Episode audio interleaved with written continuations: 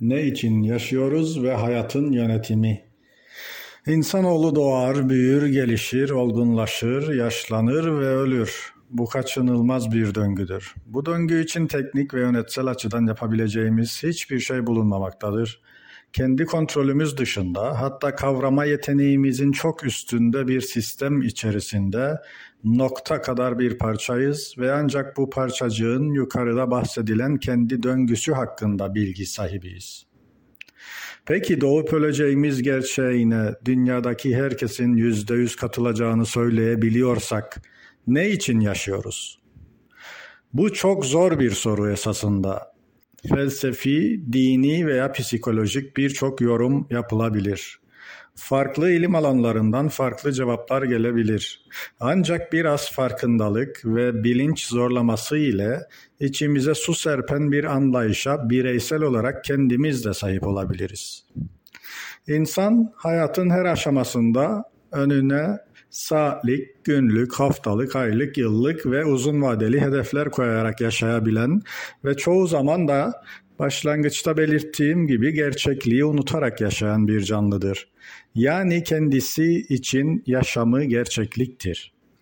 Bunun sebebi kanımca kavrama kapasitemiz ölçüsünde kendi hayatımızı yönetmek eğiliminden gelmektedir. Yani küçük bir çocuk yemişi, ergen oyunu, genç gezmeyi, orta yaş para kazanmayı ve ileri yaş torun bakmayı kendine bir hedef veya farkında olmadan görev olarak koyarak esasında kavrayabildiği ölçüde istediği durumsal yaklaşım eğilimi göstermektedir. Bunlar kabul ettiğimiz, kendi doğamızda gayet doğal ve yaşanması gereken süreçlerdir.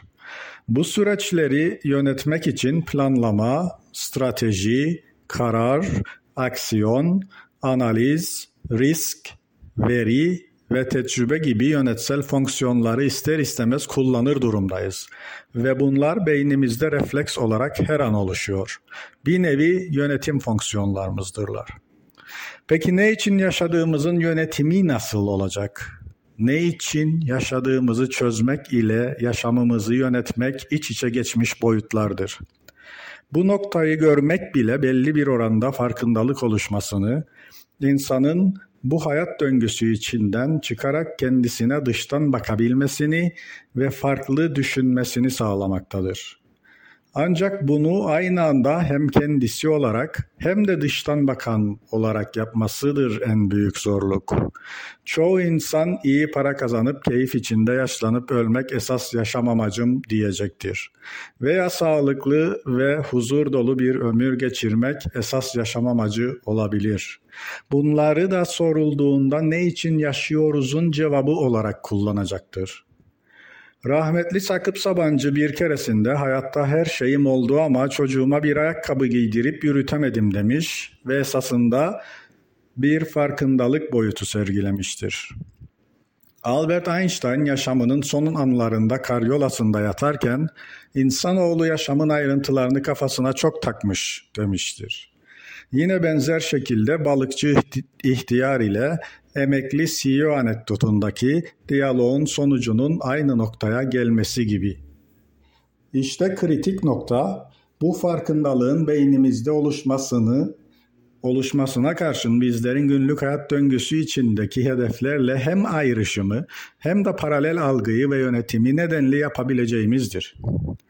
Bu açıdan zorlanan insanların kimisi madde veya alkol, kimisi müzik, kimisi yoga ve meditasyon, kimisi spor, kimisi din, kimisi uyku yoluyla bir çıkış aramakta.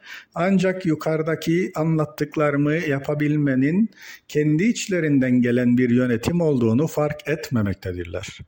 Yani farklı prosesleri aynı anda çalıştıran bir işlemci gibi davranarak ortaya ayrı proseslerin toplamından daha büyük bir çıktı sağlayabilmek tam da başlangıçta bahsedilen farkındalık ve bilinç oluşumuna katkı koyacaktır.